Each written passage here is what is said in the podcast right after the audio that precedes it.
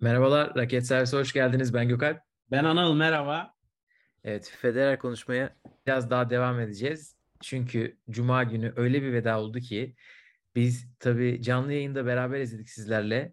Ama canlı yayında izlemekle sonra bir onu yorumlamak farklı oluyor. Bir de sindirip tekrar o acayip geceyi bir konuşalım istedik. Yani hem geceyi sindirmek hem turnuvayı sindirmek oldukça vakit aldı. Çünkü hiçbir şey turnuva öncesinde planlandığı gibi gitmedi. Team World kazandı. Federer Nadal maç sayısı attı Federer'in servisinde ve Federer son maçını mağlubiyetle kapadı. Team Europe'da kupayı en önde kaldırırken hayal ettik. Djokovic'in bileği ağrıdı, Felix'e yenildi filan derken böyle evrendeki bütün yıldızlar yan yana dizildi Team World e, kupası ve zaferi için. 10 olmadık senede Team World ilk kupasını kazandı ve biz de ne böyle bir hiç hesapta olmayan yorumlar ve e, görüntülerle karşılaştık. Ama bunların hiçbirisi hatırlanmayacak gibi düşünüyorum. Çünkü zaten Grand Slam niteliği, Masters niteliği olmayan bir turnuva. Federer'in 5 sene önce kendi yarattığı gösteri turnuvası asla denmesi yasak olan ama bayağı bildiğiniz gösteri turnuvası olan e, oyuncuların eğlendikleri e, formatının değişik olduğu için taptaze buldukları bir turnuvada hani sonuç zaten bu seneki olayın Federer'in emekliliği olduğu için çok akıllarda kalmayacak herhalde. Bence her veda ayrı güzel noktasına vardım ben. Çünkü biz ilk başta bu turnuvada veda etmesi gerçekten en iyi karar mıydı? Bir Wimbledon bir sezon daha oynamaz mıydı? Grand Slam'da bırakamaz mıydı derdik. Songa'nın işte çok güzel Fransa açık vedası. Üstüne Serena'nın Amerika açık vedası. Bu olup olabilecek Federer için en iyi vedaydı. Öyle düşünüyorum. Ne dersin? Kesinlikle katılıyorum. Bir e, vedada olabilecek bütün unsurlar zaten vedanın o oyuncunun etrafında toplanması ve her şeyin onunla alakalı olması hani bu seviyenin üstüne ne Serena'nın vedası ne de Tsonga'nın vedası bence çıkabildi. Çünkü orada olayın tamamı asla o veda olmadı. Turnuva devam etti ve e, burada ama Lever Cup hakikaten hani Federer her gün o korta yeniden çıktığında cumartesi ve pazar günü de zaten hala olay onun orada olması ve görünmesiydi. Dolayısıyla hani 360 derece Federer'in vedası şeklinde şekillenmiş bir yandan da oyuncuların maç yaptığı bir e, turnuva Hı. oldu. Ya bence diğerleri de kendileri için çok güzel oldular. Hani Songa'nın ailesi geldi. Biz ona bayılmıştık. Yani herkes yine orada da ağlamıştı. Yine orada da ağladığımızda şaşırmıştık. Serena için bence muhteşemdi. Hem New York'ta evet. olması hem birkaç defa olması. Dünya iki numarasını yenmesi bir Grand Slam'de. Ama Federer için sanırım en güzel tarafı hani rakipleriyle ve Federer'in rakipleri gelmiş geçmiş en iyi 5 oyuncuya girecek 3 kişi oldukları için zaten belki en iyi 3 kişinin 3'ünü oluşturdukları için ve hepsi orada oldukları için bir de onun üstüne Big Four'daki Andy Murray işte e, onlar da eklenince o herhalde yani Federer'in isteyeceği bir veda oydu. Bir turnuvada şampiyon olayım bir turnuva ya da bilmiyorum isteyeceği değildi ama bu çok güzel oldu yani bu çok yakıştı. Bu oyuncuların olması Nadal'la e, çiftler oynamaları son maçlarında e, acayip bir şeydi. Ne kareler ortaya çıktı, e, ne veda anıları oluştu. Bunların hiçbirisi en kral slam vedasını yap. Bu anıların hiçbiri ortaya çıkamazdı. Çok zor. E, maçın sonunda herkesin onu omuzlarına alıp ki onu da Djokovic inisiyatif aldı. Gelin tekrardan onu onere edelim dedi. İçeriye giderken Nadal'ın onu elinden tutup götürmesi ee, hani sanırım Federer için hep Nadal demişti sanırım onu onu yalnız bırakmak istemedim orada o anda diye.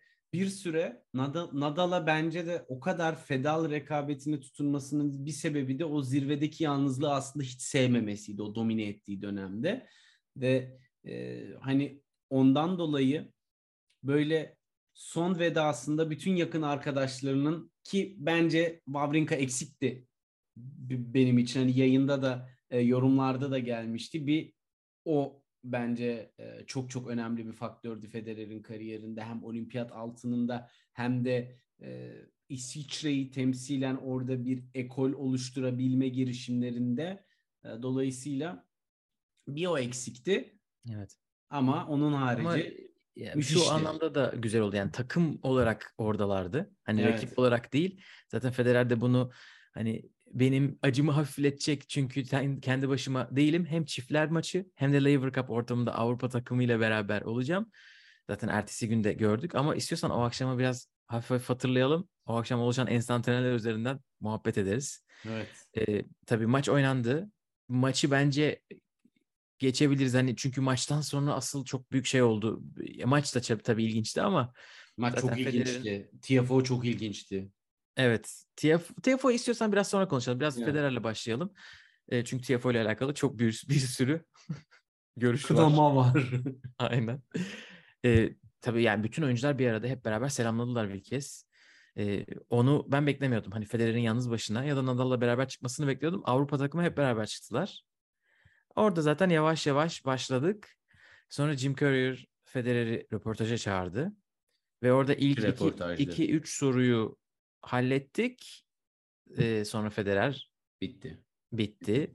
E, orada artık önüne eğilmeye başladı ağlamaktan ve herhalde herkesi bitiren orada Nadal'ı gösterdiler. Nadal da ağlıyor ve Nadal bayağı ağlıyor. Ben Nadal'ın hiç bu kadar ağladığını gördüm hatırlamıyorum. Ya zaten Gökalp Nadal oraya ya bak bu o kadar değerli ki bence o yüzden biraz da onları da bir e, ikili olarak da konuşmak lazım. Nadal çocuk bekliyor. Çocukta komplikasyonlar var. Hem sakatlığı da var Nadal'ın zaten hani fiziksel olarak üst düzey formda değil. Epeydir de e, maç yapmadı e, US Open'dan beri ve hani evde eşi her an bir komplikasyonla karşılaşabilir bu şartlar altında 10 gün önce muhtemelen e, çekilecekti Labour Cup'tan ki zaten hani tek bir maç için geldi. E, Federer çünkü sakatlığı da vardı hala. Federer de muhtemelen dedi ki bak bırakıyorum.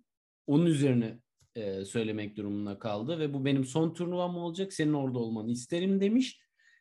Ve onun üzerine Nadal sadece tek başına gelmedi. Kardeşi, babası, ailesiyle geldi. Yani bu Federer ailesiyle Nadal ailesinin birbirlerine yıllar içerisinde besledikleri saygı, sevgi ve dayanışmanın da ne kadar büyük olduğunu ve bunun ne kadar değerli bir dostluk içerisinde geçen bir rekabet olduğunu bir kez daha gösteriyor. Orada Federer'e değil arkadaşının vedasına üzülen bir Nadal vardı ki bence bu e, çok da alışılagelmiş normal bir şey değil. Biz birçok rekabet gördük bu kadar zirvede, bu kadar bireysel bir sporda hani çünkü istemsiz bir şekilde aman bir açığımı bulur, aman bir yerden bir fiziksel eksikliğimi bulur, haftaya karşılaşırız şöyle olur böyle bir sürü hesaptan dolayı birçok oyuncu ne kadar şakalaşsalar da samimi olsalar da özellikle erkekler tarafında beraber antrenman yapsalar da sosyal hayatlarında ciddi mesafeler var yani bu kadar ailelerin iç içe geçmesi çok anormal bir durum ve bunu tenisin en zirvesinde yaşıyor. Bu ben bunu başka sporlarda da çok çok çok özgün bir kalitedeki bir rekabet olarak görüyorum. Evet ben zaten ileride hani podcast'ın sonlarına doğru biraz şey diye sormayı düşünüyordum. Neden bu kadar büyük bir duyguseli oldu ve neden bu kadar fazla yayıldı? Hani tenis dışına çok çıktı Veda. LinkedIn'e geçti ya. LinkedIn'e aynen, düştü yani- bil ki tamam. Bitti. Aynı şeyi söyleyecektim. LinkedIn'de eğer alakasız insanlar paylaşıp üstüne romanlar yazıyorlarsa zaten Öyle para. biliniz ki bitti. O iş zaten dünyaya mal oldu. Ve gerçekten dünyaya mal oldu. Bunun bence birkaç sebebi var. Belki ilki bu. Hani bu kadar büyük bir rekabetin çünkü bu adamlar birbirlerinden çok fazla kupa çaldılar. Ee, birbirlerini finallerde yendiler. En önemli e, mağlubiyetlerini belki tattırdılar birbirlerine. Öyle bir arkadaşlık. Biz Federer Nadal arasındaki arkadaşlığı biliyorduk. Samimiyetlerinin gerçekten olduğunu, ne kadar yakın olduklarını. İşte birisi e, birini davet ediyor, İsviçre'ye gidiyor e, gösteri maçına. Diğeri onun akademisini açmaya gidiyor ki diyor ki çocuklarımı ben onun akademisine göndereceğim. Sonra o Güney Afrika'ya uçuyor. Ta Güney Afrika, Avustralya sonra onun gösteri turnuvasına. Hani zaten tahmin ediyorduk ama bu bambaşka bir boyut oldu. Yani 1 artı 1 eşittir 10. Öyle bir durum var bunun e, Evet, evet, çok Federer ve. Nadal'ın matematiğinde. Yani Na- Nadal susmadı. e, ba- bayağı bütün akşam aldı. Nadal'ın ta- tahminim kendi kişisel stresleri bir yandan yoğunlaştı. Üstüne onun bırakması belki hani kendi vedalarını da görselleştirmelerine sebep olmuştur. Özellikle hem Nadal'ın Djokovic'in bilmiyorum o kadar oldu mu çünkü Djokovic herhalde kendini o kadar yakın hissetmiyor. Sakat. Djokovic bir 10 sene daha oynamaya niyetli. Aynen o biraz daha devam eder. En azından hiçbir sıkıntı görmüyoruz. Gerçi ya, ufak bir şey yaşadı. İnşallah ufaktır e, bileğiyle alakalı ama hani Nadal bu sene ayaktan kurtuldu. Karın, karından kurtuldu. işte kaburga falan derken öyle geçti. E, o belki onu hissetmiş olabilir. E, bir de tabii ailelerin olması. Çünkü ailelere geçmeden önce tabii e, röportaj yapıldı. Nadal bu sene içerisinde de düşündüm dedi yani e, bırakmaya biliyoruz. yaklaştım dedi yani. Onu hepimiz biliyoruz. E, hatırlamayanlar varsa Fransa açık final yayınımıza e, hani o gösteri şey pardon seremonide acaba ne diyecek diye tedirginlikten ölmemize e, böyle bakabilirsiniz. Göz atabilirsiniz. Maçtan daha çok orada heyecanlandık. Yusuf Yusuf. Aynen öyle. E, tabii röportaj bitti. Bir şekilde bitti. Federer bir şekilde sözlerini tamamlayabildi. Orada hıçkıra hıçkıra Mirka'ya teşekkür etti. Dedi ki olmasaydın olmazdık. Hani sen olmasaydın bu kariyer olmazdı. Sen izin vermeseydin bu kadar uzun süre çünkü dört çocuklu bir aileden bahsediyoruz. Ee, çok zor bir şey. İstediğin kadar bakıcı olsun. Hani baba figürü, anne figürü ve kadının baba rol modelini ne kadar yanında istemesi gerektiğini ve burada çok ciddi fedakarlıklar var yani eninde sonunda bir aile.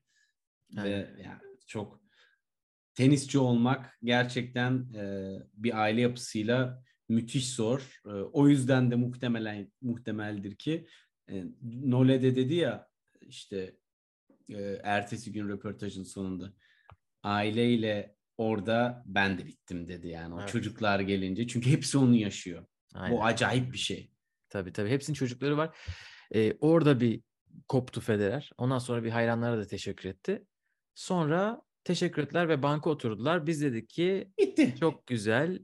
Bakalım ne olacak? Ellie Golding. Sen ne yani her ben, bak Gökhan tahminini alayım. Neden? Sence neden? Yani şarkı desem bulamadım bir Menajerlik cevap. şirketlerinin tanıştıklarını düşünüyorum.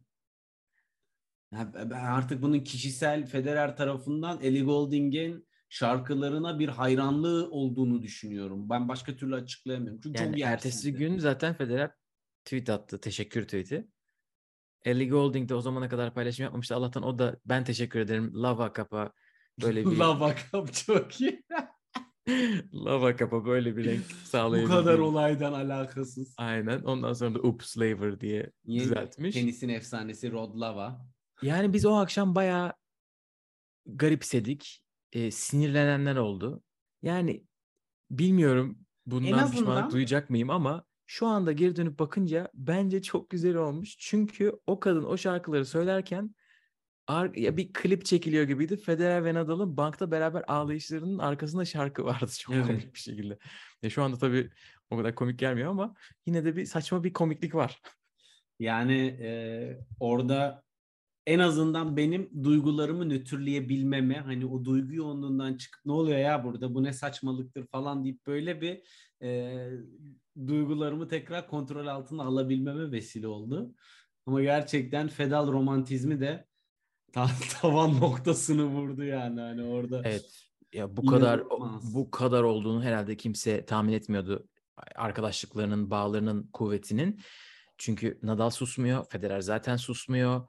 Ondan sonra Federer ona teşekkür etmek için gibi böyle bir bacağına dokundu. Sonra bacak elinde el ele tutuşuyorlar. O bir fotoğraf destek, zaten şu anda desteği en büyük rakibinden alıyorsun ya böyle bir şey var mı? Evet ve o fotoğraf zaten şu anda LinkedIn'iniz yoksa açın. Kesin çıkar. birkaç, birkaç hafta daha gider. E, çok çok ikonik bir fotoğraf bence ya. Yani bilmiyorum bu kadar büyük bir rekabet olacak ve birisi ayrılırken ya bence rekabet kötü kötü derken çekişmeli ve oyuncular birbirlerini sevmiyorlarsa bile çok büyük rekabetlerde büyük bir bağ oluşuyor. Yani birbirini sevmeyenler bile birbirlerini bırakırken dağılabiliyorlar. Birbirini sevenler de dağılabiliyor. İşte Borg'la McEnroe'da McEnroe'nun nasıl dağıldığını konuşmuştuk biz McEnroe bölümünde. Borg amacını bıraktı, kaybetti. Amacını bıraktı. Biraz onunla oynamaktan zevk alıyordu. En, en iyi finalleri onlardı. tamam ama bu gerçekten hani insan yüreğinin ne kadar büyük olabileceğini mi gösterdi artık.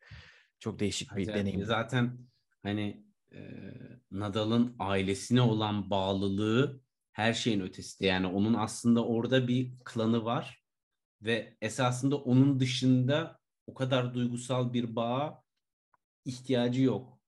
Ama turda o kadar farklı, o kadar özel şeyler yaşadıkla, yaşadılar ki yıllar boyunca birbirleri kadar onları anlayabilecek çok az insan var ve evet. Nadal bu konuda Federer'in yanına gelen ilk kişi hani seviye olarak o empati, o duygular hani o yolculukta, o macerada Federer'in can yoldaşı oldu gibi ve Nadal da bunu e, kabul etti. Tabii ki Nadal Djokovic rekabeti de var. Fakat orada o duygusal bağın bir tık geride kalması Djokovic'ten kaynaklı değil. Önceden aşırı sağlam bir bağ kurulduğu için orada ilave o kadar sağlam bir bağ da yer yok. Bir de tabii dünya görüşleri ve Djokovic'in babasının garip açıklamaları da e, ailelerin kaynaşması konusunda biraz zorluk çıkarıyorlar. Yani yer olabilir ama tabii karakterleri çok uyuyor birbirine. Nadal evet. bunu e, sonraki röportajlarında da söyledi. Beraber dağılmışlar artık. Ağlamaktan bitmişler. Sonra o akşamın sonunda gidip bir de basın toplantısı verdiler. Orada Nadal diyor ki hani ben bir, bir sıkıntım olduğu zaman arayabileceğim biri, biri olmasın Roger'ın diyor. Beni çok mutlu ediyor diyor. Hani o seviyede bir birbirlerine uyumdan bahsediyoruz. Herhalde rekabetçi spor dünyasında çok çok çok ender görülen bir durum. En azından görülüyorsa bile ikisi birbirine bu kadar yakın, birbirlerinin rekorlarını kıran isimler çok olmuyor bu. Ondan da bu kadar büyüdü. İkinci şarkı devam ederken bir gol daha yedik. Artık duyguseli, duyguseli, duyguseli arkadan Mirka ve Çocuklara. çocuklar geldiler. Teker teker dört çocuk birden geldi. Federer çocuklarına hıçkıra hıçkıra ağlamayın ben mutluyum üzgün değilim ağlamayın diyor ama hıçkırıyor bunu derken. İnanılmaz bir an ya. Sonra orada Djokovic'in de artık koptuğunu görüyoruz. Orada evet. Djokovic de ağlamaya başlıyor. Ve e, artık Salih Sümük herkes. Bu arada Berrettini, Tsitsipas, Root falan ağlıyordu gördüğüm benim. Bütün oyuncuları selamlamaya çıktıklarında. E, Murray'nin herhalde duyguya gösterdiği tepki gülümseme. Onda çok böyle gerçekten samimi bir gülümseme var. Böyle mut, mutlu o da hani büyük ihtimalle e, bu, bu an çok özel bir an. Hani en ona yakışır şekilde gitti Federer. Ben bunu hak etmiyorum demiş Andy Murray basın toplantısında. Hani inanılmaz. O... Murray zaten o an durumu analiz ediyordur o. Beyninde böyle bir ortam bir adım geriye çıkmıştır. Bakıyor neler oluyor ya burada diye böyle bir o duygusallıktan çıkıp böyle bir resmi bir portreyi bir çizdi orada. Bir, ne yaşıyoruz biz burada? Çok aynen. acayip bir şey. Aynen aynen çok değişik. Ee, yani bir Federer Nadal'ı çok kısa biraz daha konuşalım istersen. Sonra da diğer oyuncularla şeye geçeriz. Ee, Nadal zaten bütün akşam ağlamış. Ağladı gözüm yani gördüğümüz kadarıyla. Sonra otele gidip biraz daha ağladım. Sonra da İspanya dönünce de ağlamış. Hani e, onların hepsini söylüyor ve basın toplantısında diyorlar işte ağlamak bilmiyorum ağlamasaydık mı gibi bir şey diyor Federer. Yok diyor ağlamak da iyidir diyor Nadal. Hani e, ben zaten biliyorsunuz hassas ve duygusal bir insanım. Bence bu olayın yani bu bu vedanın bu kadar insanların kalbine dokunmasının bir sebebi de bu. Yani herkes o duygusunu açıkça yaşadı ve yani hepimiz oradaydık anı oldu bir böyle. Evet hepimiz aynı şey oldu. Ee, ve hani Federer bırakırken benim de bir parçam bırakıyor gidiyor gibi hissediyorum diyor Nadal. Artık oraya kadar geldi. Ee, zaten Rafa Nadal Akademi'nin veda videosunu görmüştük. Ee, bir de senin dediğin gibi aileler de birbirlerine çok yakınlar. Ee, Federer Instagram'da live yapıyor. İşte live'ın sonunda içeri giriyorlar şeyi görüyor. Babasıyla kız kardeşini görüyor. La Familia diye bağırıyor falan. Böyle bir böyle bir samimiyet var. Ee, çok acayip bir arkadaşlık. Evet. Yani böylesi hangi rekabet alanında e, bulunabilir bence e, çok zor. Çünkü en büyük rakibin en büyük dostun. Yani bu ve bunu e, hakikaten her noktada yapıyorlar.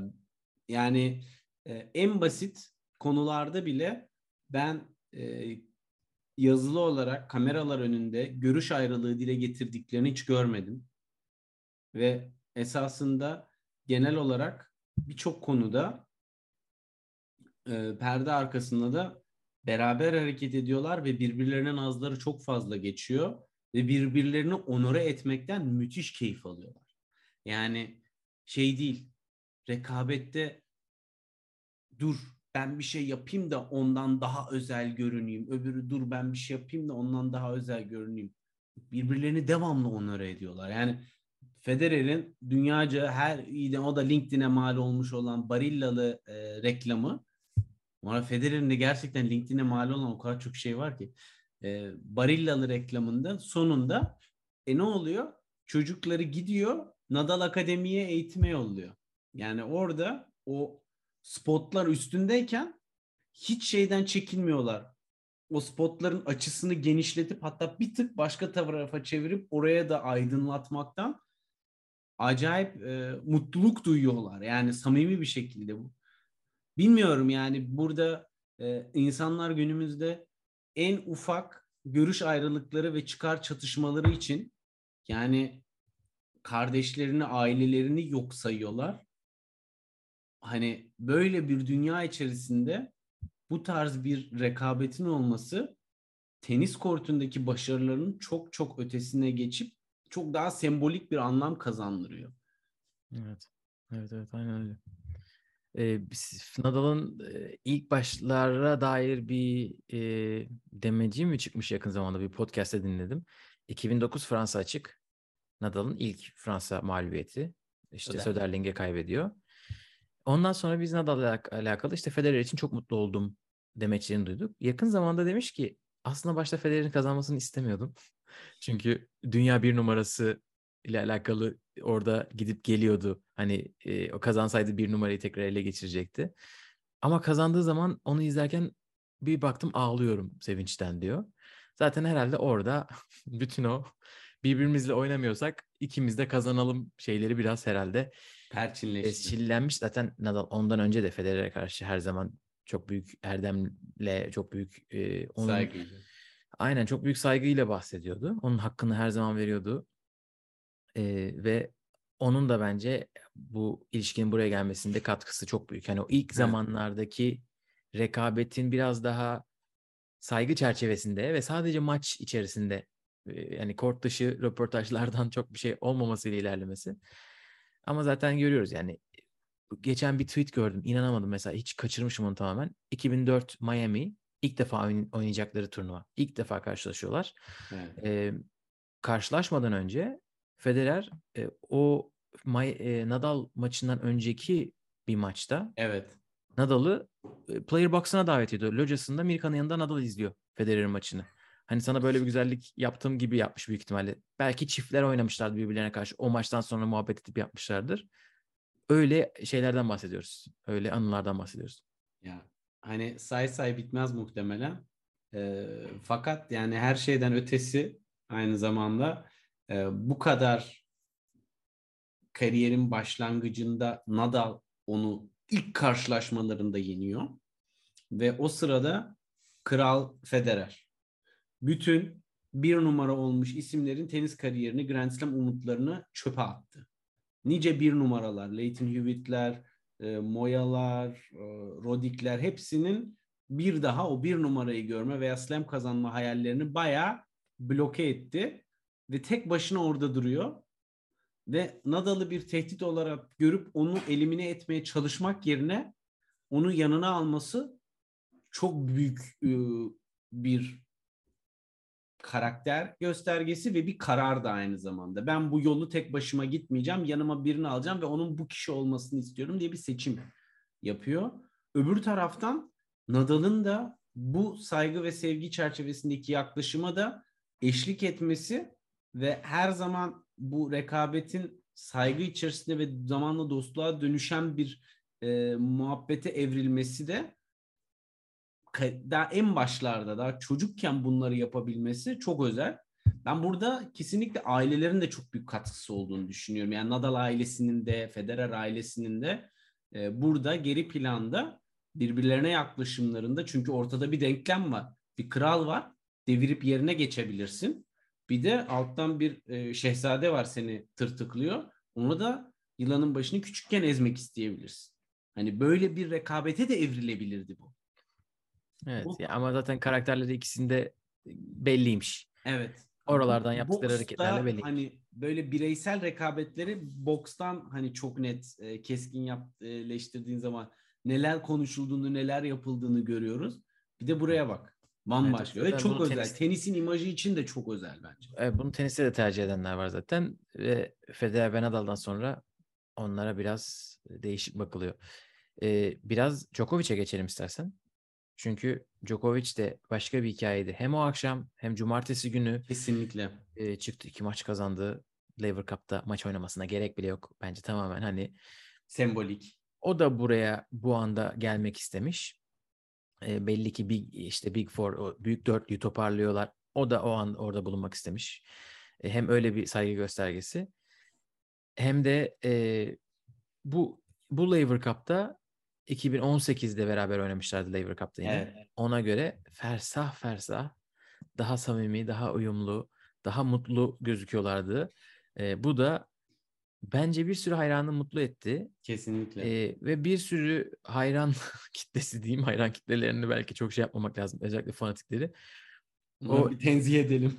onlar onlar bile hani buzlar eridi. Öyle bir anlam bahsediyoruz. Tabii ki Federer'in burada bırakışının ve Grand Slam yarışında arkada bırakışının da bir etkisi olacaktır. Ama herkes başka şeyler yakıştırıyordu belki onların ilişkisine. Ee, onlar bayağı şeyler yani samimi ve mutlular. Olabilecek kadar diyelim ya da en azından ilişkileri biraz daha evrilmiş gördüğümüz üzere. Bir Nadal Federer'den bahsetmiyoruz tabii ki. Yani Nole böyle kurgulanmış bir e, senaryoda, hikayelerde, kort dışından bahsediyorum.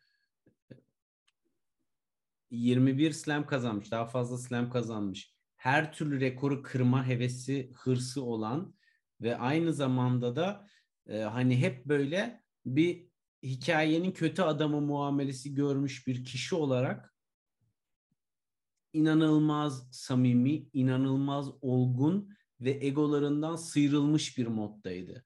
Ve bunu rol olarak yapmadı. Gerçekten samimi ve içten olarak hissettirdi herkese. İşte kenarda oynuyorlar, telefonuyla çekiyor, o da o anları kayda alıyor, hatıra topluyor. O da e, Federer'in ailesiyle o empati yaşıyor, o duygu yoğunluğu yaşıyor. Ona sarılıyor. En sonunda günün en sonunda gerçekten e, işte hadi gelin beraber onu son bir kez omuzlara alalım öyle kuru kuruya gitmesin içeri soyunma odasına diyor ve orada herkesi tekrar topluyor inisiyatif alıyor. Yani bir şeye katılmıyor Federer'i onara edecek bir şeye öncü oluyor ve her şey bu kadar Fedal. İşte çiftler maçında Federer yanında Nadal'ı tercih ediyor. Çok normal çok doğal ama o bunu hiçbir şekilde e, bir ego sal bir mücadeleye dönüştürüp dargınlık göstermiyor. Senin bu burası senin bu senin günün her şey senin gönlünce olsun ve ben yapmam gereken her şeyi sonuna kadar kendi açımdan yapmamam gerekeni de sonuna kadar e, öyle oldurmaya hazırım diyor ve bunu gösteriyor. Yani bu müthiş bir seviye bence ve hani o yüzden de kesinlikle artı takdirleri sonuna kadar hak ediyor. Çünkü bu kadar aslında bir ve tek olmak isteyen bir insanın geri planda kalmayı e, kabul etmesi ve bunu samimiyetle ve içtenlikle ve özel olarak yapması çok değerli. Evet, o da sonuna kadar o da yaşamış o akşamı. Zaten ertesi gün sanırım hayatımda böyle en, unut- en unutmayacağım akşamlardan biri olduğu gibi bir şey söyledi. Ee, çok güzel tabii yani bunları görmek. Zaten üçünden de böyle bir şey vardı. Her zaman kortta birbirlerine karşı çok saygılılardı. Maçlar bittiği zaman özellikle final maçıysa seremonide her zaman birbirlerine hep kredi verdiler. Öyle bir rekabetti. Ama tabii Djokovic ile Federer rekabeti Nadal'la Federer rekabeti gibi değildi. 2008 e, Avustralya açıkta e, Djokovic Federer'i yendiğinde e, ailesi yeni kral geldi manşeti attırıyordu. Hani öyle öyle yaklaşmışlardı. Sonra 2008 Monte Carlo sanırım Federer'in Djokovic'in ailesine susun tamam zaten çizginin topun içeride olduğunu biliyorum falan filan. Böyle çok gergin başladı onların ilişkileri. Davis Cup'taki maçları falan derken bir de e, Federer'in en büyük yenilgileri Djokovic'ten gelmiş olabilir. Yani 2008 Wimbledon diyenler olacaktır. Belki Nadal hani ona bir Fransa açık bile vermedi ama 3 defa e, Grand Slam final ve yarı finallerinde maç sayısından kaybetti Federer. Hani öyle bir rekabetten bahsediyoruz. Wimbledon finali işte Amerika açık yarı finali iki sene arka arkaya. E, hani öyle bir rekabetin buralara gelmesi orada da oradan da çok yani çıkarılacak ders demeyeyim de orada da çok gıpta edilecek şey var o ilişkide de. Ya orada da işin zamanla olumsuzdan olumluya evrimi var ve bu da sanırım hırsların olgunlaştıkça çok daha kontrollü ve bilinçli bir e, şekilde kullanımını gösteriyor. Çünkü hepsi aşırı hırslı, hepsi obsesif. Yani kafayı bozmuşlar. Yoksa normal bir şey değil. Bu kadar sene bu seviyede, bu disiplinle elinizde yüzlerce milyon dolar varken, elde edebileceğiniz her şeyi elde etmişken hala bu kadar yorucu mental olarak, fiziksel olarak, beslenme olarak, zaman olarak, seyahat, sağlık, sakatlık, ameliyat hala da bunu yapmak istiyor olmak normal bir hırs seviyesinin kat kat üzerinde. Yani anormal bir şey. Evet, o yüzden zaten bu kadar farklılar. Ve bu kadar kazanamazlardı o anormallik olmazsa. Sen Tabii o canım. vermiştin ya 24 final kazanmış Federer arka arkaya. Yani, o psikopatlık olmazsa nasıl kazanacaksın yani o iştah olmazsa? Yani bir, bir turnuvada ama bu sefer hiç kolum ağrıyor salla gitsin Aynen. moduna girebilirsin yani. Her evet. şey olabilir. Yani bir bir gün 24 kere o final günü ve o finale gelene kadar seni o finalde çok da asılmamaya itecek bir sürü şey olabilir. Yani evet. e, dolayısıyla çok e, farklı seviyelerde ve bu hırsı çok daha olgun ve doğru kullanmak zamanla gelişebilen bir şey. Aynen. Ee, diğer oyuncular da tabii çok güzel sözler söylediler. Berrettini e, Federer benim tenise başlama sebebim dedi. Tsitsipas o zaten benim çok büyük idolüm. Bekentimin böyle olması Federer yüzünden sanırım övmeye çalıştı orada. sert zemindeki başarısızlığımın sebebi sensin Toprak korttaki başarım senden kaynaklı falan Team demeye Europe'un kupayı alamaması senin bekentine özenmenden ötürü falan. e, Ruud da çok güzel şeyler söyledi. Dünya takımı da öyle. E, işte diye bütün oyuncular onun kariyerini bitiren işte en son maçını bitiren e, Jack Sock ve Francis Tiafoe da çok zor maç oldu. İşte e, hatta suçluluk duygusu var üstümüzde biraz dedi Jack Sock. Evet dedi Tiafoe çok zor maç oldu deyip lafı biraz Tiafoe'ya getireyim. Yani Tiafoe'da suçluluk duygusunun sesi yok. Ki hani bak şimdi ne oldu? Maç yaptılar ve ben o canlı yayında da söyledim. Hala da onun arkasındayım. Zaten Federer'in de Nadal'ın da ayıp olmasın diye e, yenilecek insanlarla maç yapmayı sanırım kendilerine hakaret sayarlar. Yani hakikaten hakaret sayarlar ve dolayısıyla ikisinin de rakiplerin e, maçı kazanmak için mücadele etmesi ve hırslı oynamaları son derece doğru ve normal. Bazı noktalarda işte double oyununun da karakteri budur biraz da. Rakibin üstüne vurmak vesaire. Çünkü teklerde çok geniş kort var. Rakibin üstüne vurmamak için bir sürü seçenek var özellikle yakın toplarda. E, çiftlerde tabii bu alan daha dar. Hani onu da bir nevi okey diyebilirim.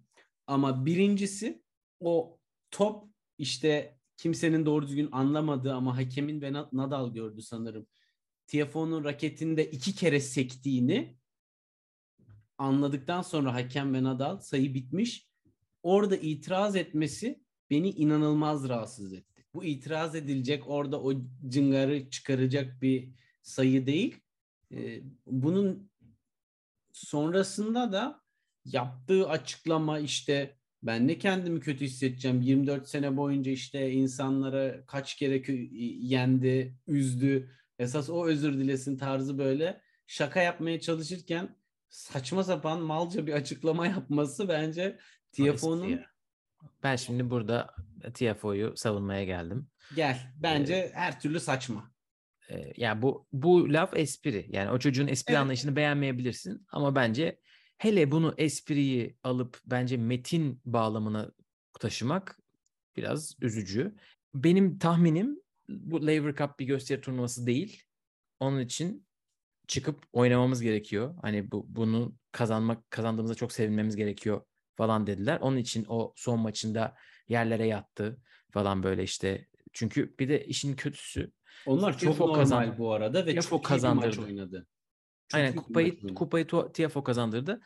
Ha şeyi de e, işte Tsitsipas'a karşı e, oynarken bench'te arkadaşlarına işte ben o Yunan yoğurdunu yemeye geldim falan.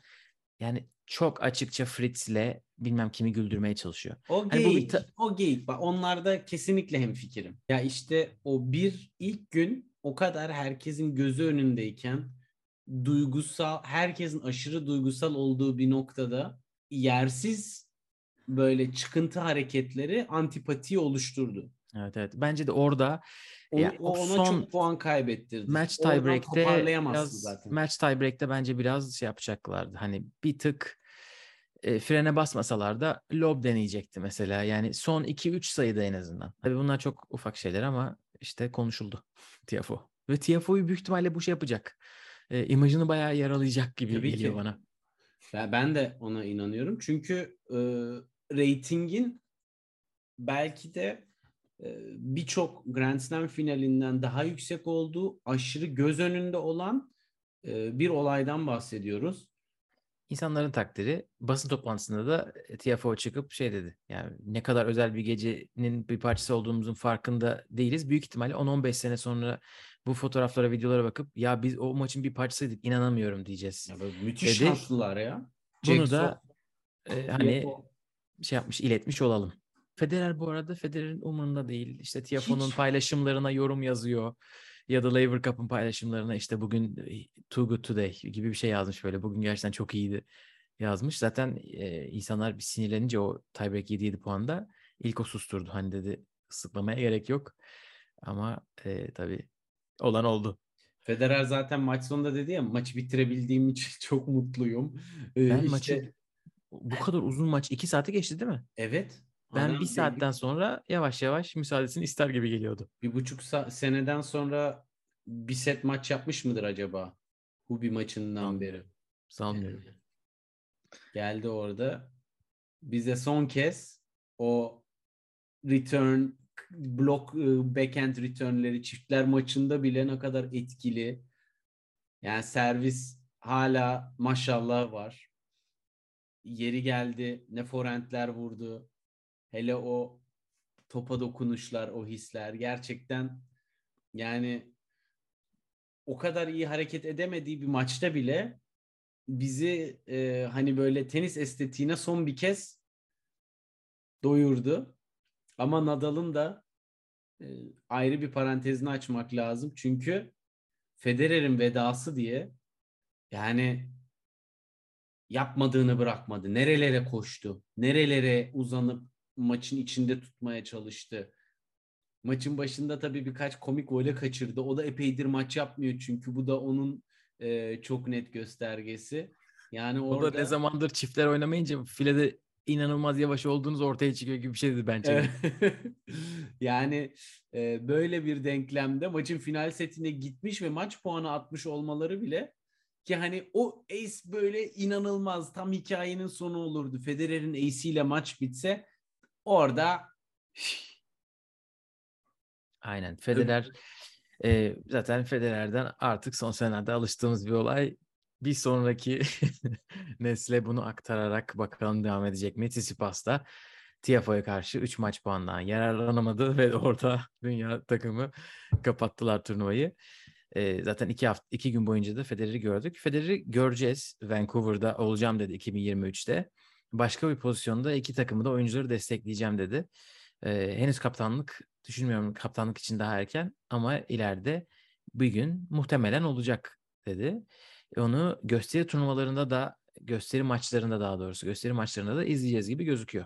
bana da öyle geliyor. Özellikle tenisi e, daha geniş kitlelere hem vakfı için para toplamak amacıyla hem de E, Birçok ülkede tenis oynamayı zaten çok seviyor ve bunu müthiş şov ve organizasyonlarla inanılmaz bir böyle büyük bir medya olayı haline getiriyor.